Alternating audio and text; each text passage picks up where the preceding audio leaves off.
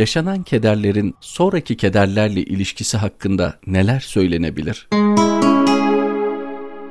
Musibetlerin bir hikmeti de insanı sabra ve mücadeleye alıştırmak ve onun manevi bağışıklık sistemini kurmaktır. Beden ne kadar rutin hastalık geçirmişse bağışıklık sistemi o kadar kuvvetli olacağı gibi insanın kalp ve ruhu da başından ne kadar sıkıntı geçmişse o nispette güçlü ve kuvvetli olacaktır. Daha büyük musibetlere bağışıklık kazanılmasının yolu bazı sıkıntılar yaşamaktan geçer. Başından herhangi bir zorluk geçmemiş insanlar bu manada hamdırlar ve dolayısıyla en küçük bir zorluk karşısında çok sarsılabilecek ve hatta belki yıkılabilecek durumdadırlar. Bu tür insanlar en ufak bir zorlukla karşılaşmaya alışık olmadıklarından birçok insanın çok rahatlıkla atlattığı bazı problemlerde bile hayatının en büyük sarsıntısını yaşamaya başlarlar. Zayıf ve nazik bir yaratılışta olan insanı daha ileride başına gelmesi ihtimal dahilinde olan zorluklara önceden alıştırmak, onun manevi bağışıklık sistemini sağlam hale getirmek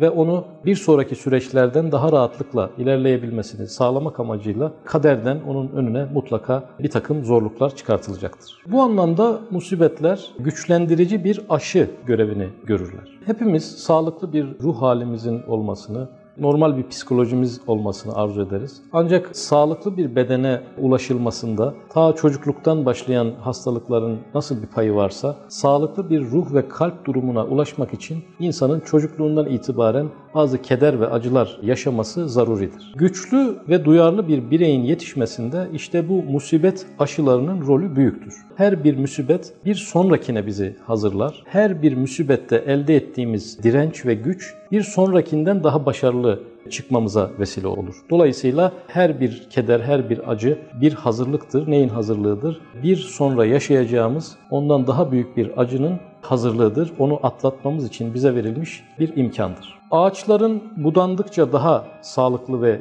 gelişkin olmaları gibi bir terzinin elbiseleri paramparça, daha doğrusu kumaşları paramparça yaparak kaliteli bir elbiseye ulaştığı gibi bir buğdayın işte topraktaki mücadelesiyle, biçilmesiyle, harmanda dövülmesiyle, fırında, teknelerde yoğrulmasıyla, insanın ağzında çiğnenmesiyle yaşadığı sürecin onu insan gibi mükerrem bir varlığın devamı için kritik bir noktaya getirmesi gibi musibetlerde insanın değerini ve gücünü ortaya çıkarmak için kendisine yaşatılmış süreçlerdir. Neden bütün bunlar beni buluyor? Neden bu musibetler bana yaşatılıyor diye soran bir insana aslında verilecek yanıt çok basittir. Çünkü Allah senin daha kuvvetli ve daha güçlü olmanı istiyor. İşte bu hadiseler, acılar insana verilmiş bir cezadan daha çok onun gerçek değerinin ve gerçek duyarlılığının ortaya çıkması için kendisine tanınmış fırsatlardır ve bir sonraki aşama için kendisinin içerisine girdiği bir hazırlıktan ibarettir.